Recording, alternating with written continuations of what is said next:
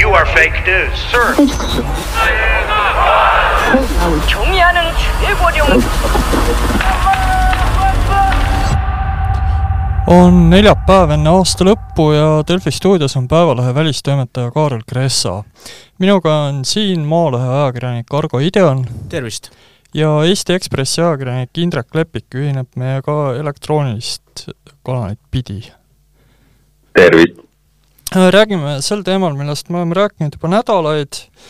Vene, USA ja Vene-NATO kõnelused. sõnumid on kippunud viimasel ajal korduma,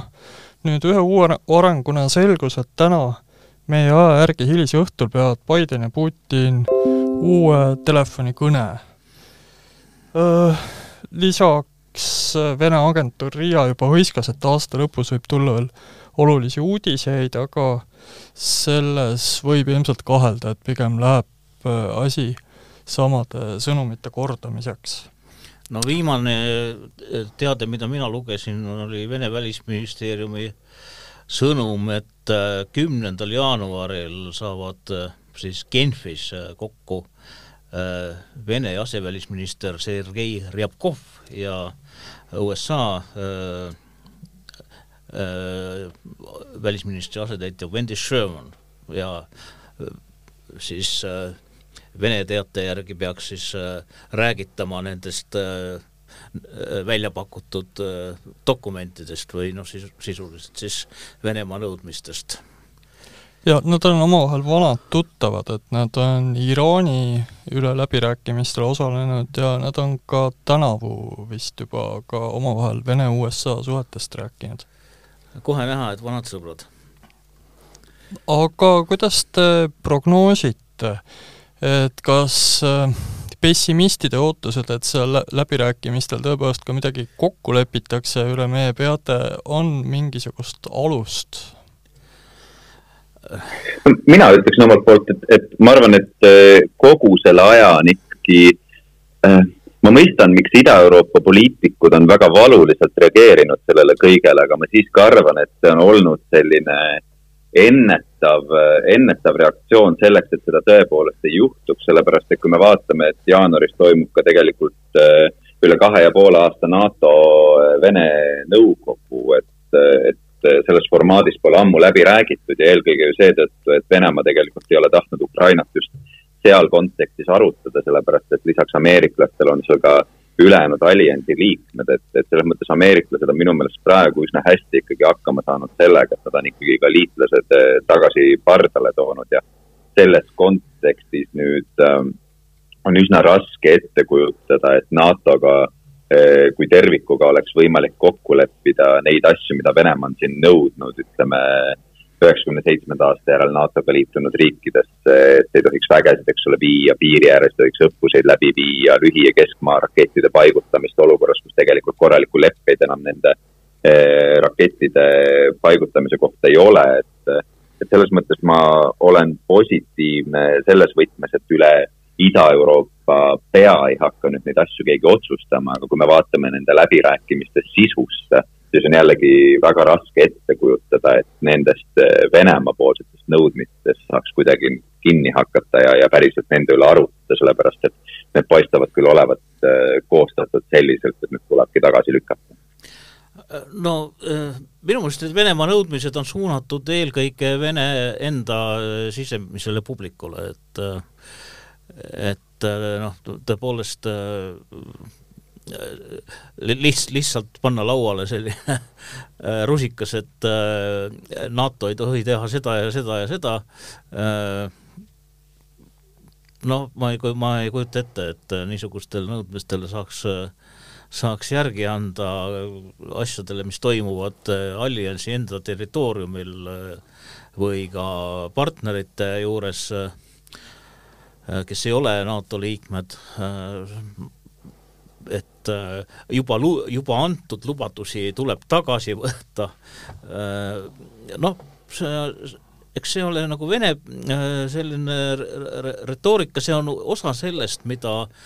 Venemaa inimesed kuulevad õhtuti siis läbi föderaalsete telekanalite ju iga päev.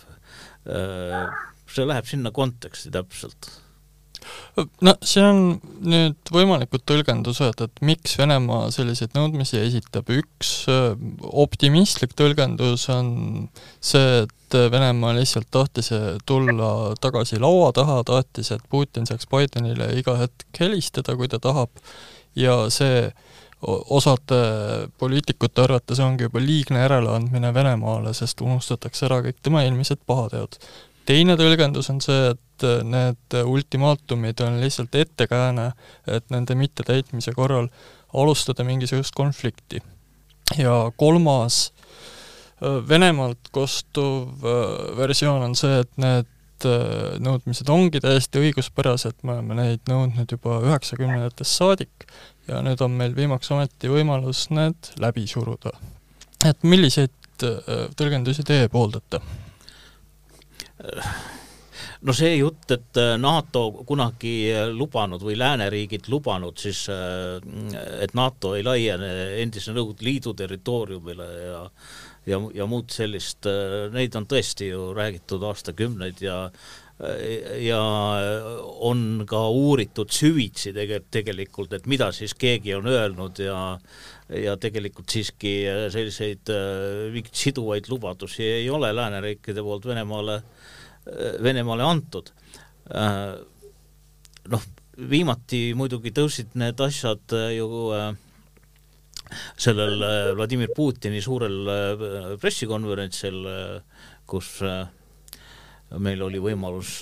kuulda järjekordselt kõike seda, mida me korduvalt oleme kuulnud, kuidas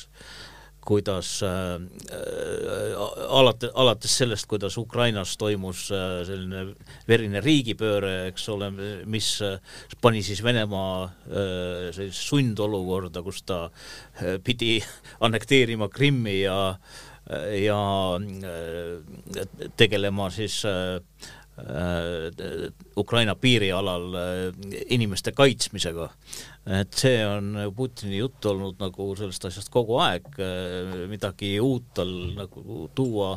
ei ole olnud, uus on ainult see retoorika tõesti, et et umbes nüüd, nüüd siis meie oleme jõudnud selle piirini, kust enam äh, tagasi minna ei saa ja, ja selle on nagu kõik lääs oma tegevusega põhjustanud. eks äh, no just, et, et mis, mis äh, selle asja taga siis on, kas Venemaa tahab äh, tõepoolest äh, siis relvakonflikti ütleme siis Äh, uuesti taasalustada või taas, taaskäivitada ja, ja kas äh, sada tuhat või, äh, või rohkem Vene sõjaväelast Ukraina piiri ääres nii on sealt selleks, et hirmutada läänes segadust tekitada või tõepoolest äh, mingisugust äh, konkreetset operatsiooni hakata läbi viima siin aasta algul noh, see on muidugi väga, väga hea küsimus. me teame ajaloost, et Venemaa puhul ei saa olla milles, milleski kindel, mõne teise riigi puhul võib-olla me ütleks, et et jah, see on hirmutamine pigem, pigem ja, ja noh, sellist asja on nähtud varemgi, aga, aga tegelike tegudeni jõutud, aga Venemaa erinevalt äh, Äh, teistest Euroopa riikidest on, äh, on ka tõesti äh, rünnanud oma naaberriike ja noh, me ei saa olla kindel, et seda ei juhtu, juhtu jälle. Indrek, kas no, Argol, jah, et Argol sõnasabast kinni haarates, et, et lihtsalt eks see oodata Venemaalt ratsionaalsust on, on jah, üsna naiivne, et kui vaadata mõnda teist või kui, kui oleks tegu mõne tavalise Euroopa riigiga, siis oleks suhteliselt lihtsasti ette ennustatav, milline see käitumine on, aga aga, aga seda maailmapilti ju peegeldab ka see, et ega küsimus sellest, kas NATO laieneb itta, on ju märksa olulisem see, et kõik need endised Varssavi pakti ja, ja meie siin ka Nõukogude Liidu, liiduvabariikidena, meie tahtsime eelkõige naasta läände, et, et selles mõttes ka, ka neil kõigil väikestel riikidel, kes on siin justkui nagu puhvriks olnud, on endal äh, nii-öelda iseseisev mõtlemine ja iseseisvad plaanid ja, ja nende riikide soov liikuda läände on märksa olulisem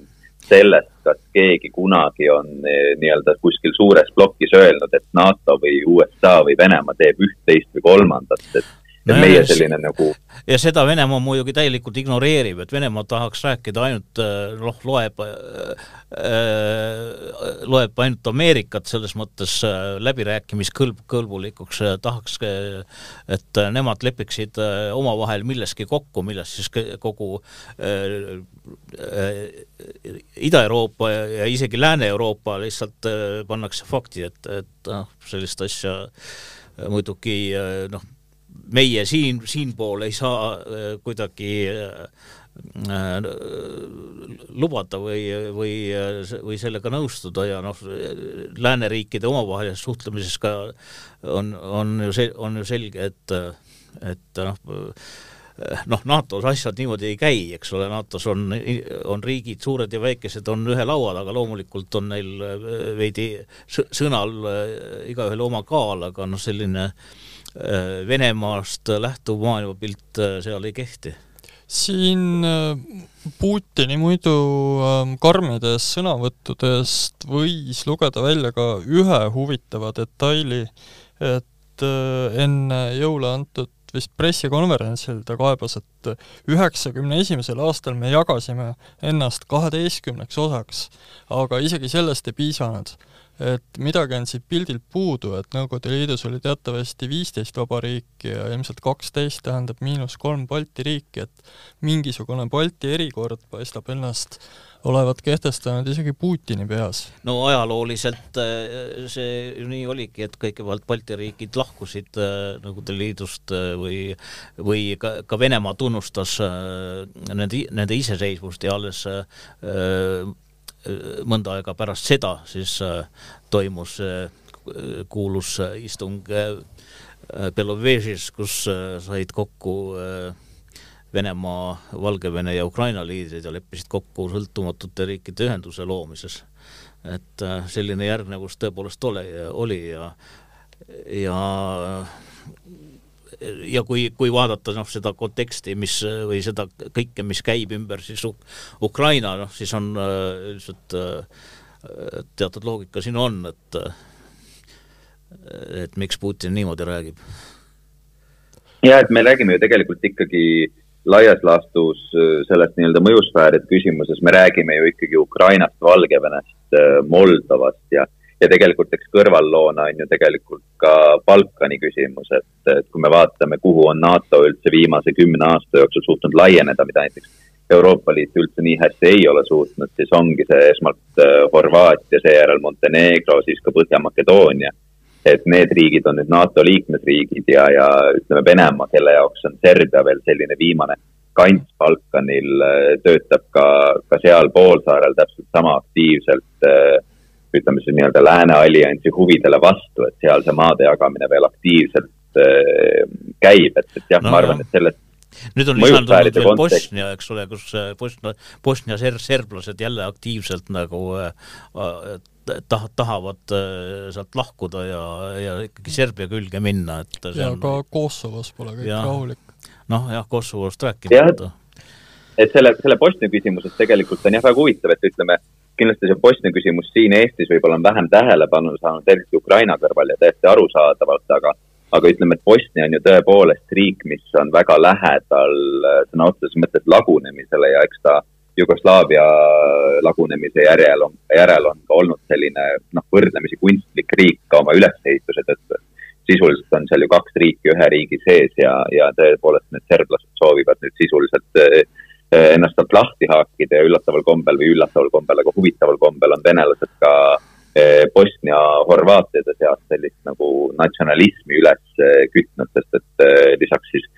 Bosnia moslemitel on ju horvaadid ka seal kolmas suur etniline rühm, et, et selles mõttes see, mis toimub Balkanil, on mõnes mõttes nagu selline mikrokosmos sellest, kuidas Venemaa laiemalt Euroopat näeb, nii et, et nad toimetavad alati mitmel rindel ja, ja selles mõttes tulebki nagu Euroopa Liidul endale aru anda, et, et kui ta nii-öelda kuidas öelda, stabiilsust ei ekspordi, siis ta aktiivselt peab seda ebastabiilsust importima, sellepärast et seal on alati see vastasjõud, mis soovib siis jällegi nii-öelda omalt poolt jällegi peale tulla. ja siis omaette pikema plaani teema on, et need Vene välisministeeriumi ultimaatumid puudutasid ju ka Soomet ja Rootsit ja noh, kõikvõimalikke teisi riike, kes kunagi selle sajandi jooksul peaksid tahtma NATO-ga liituda. Nojah, et noh, kui, kui lugeda tõesti neid selle Vene välisministeeriumi pressiesindaja Maria Zahharova nagu avaldusi, mis nagu iga no, no pe peaaegu iga päev tuleb, tuleb neid sotsiaalmeediast ja no neid tuleb ka siis sealt äh, no ütleme miid-, miidist äh, mingitel ametlik, ametlikel äh, briifingutel äh, no ja sa põhimõtteliselt sedasama muidugi räägib siis ka välisminister Lavrov veidi, veidi ütleme võib-olla veidi vaosootumas keeles, aga samas samas öeldakse ju pigem, et noh, et,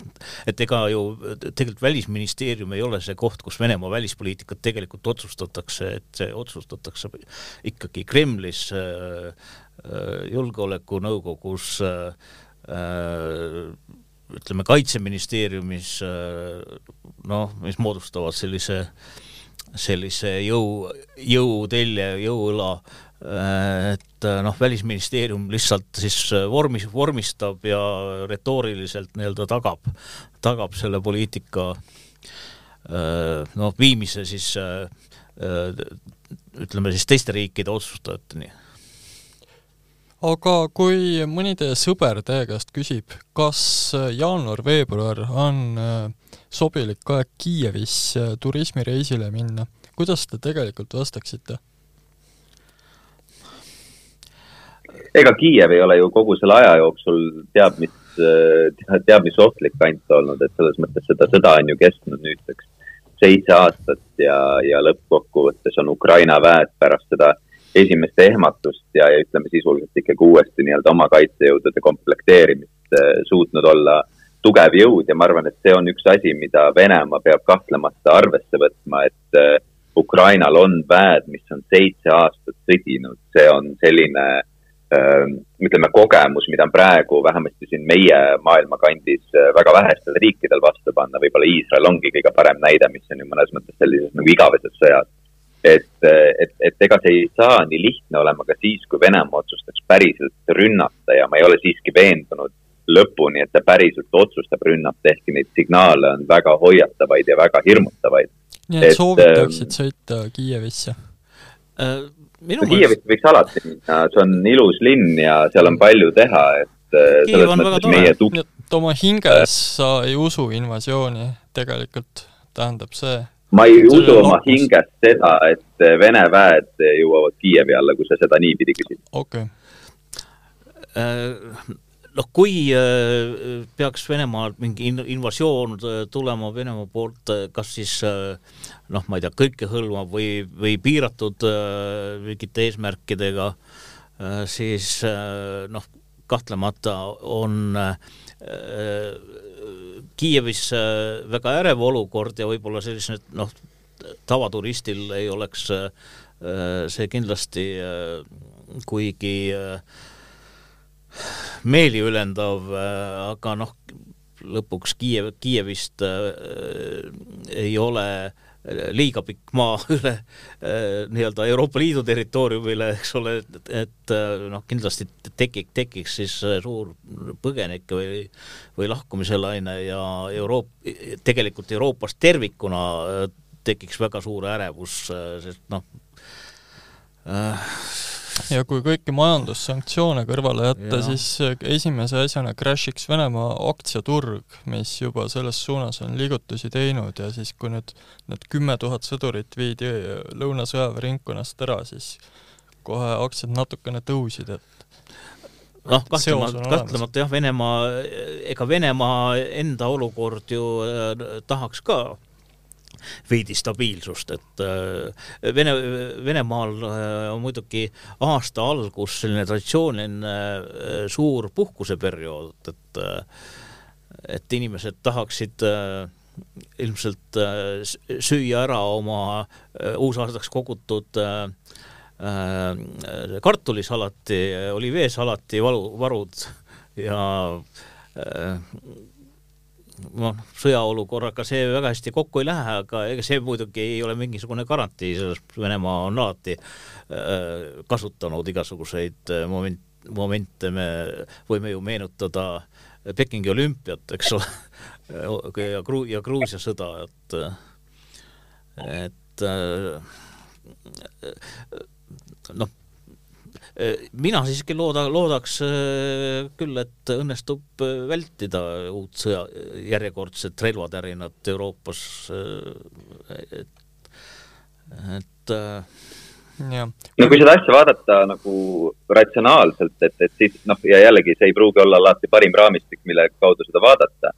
aga eks Venemaa jaoks on ka nagu poliitiliselt asi raskemaks muutunud ainuüksi seetõttu, et vahetunud on Saksamaa valitsus mis on märksa Venemaa kriitilisem, kui me mõtleme selle peale, et roheliste kätte on nüüd saanud äh, välisministri portfell Anna-Lena Baerbock, kes, äh,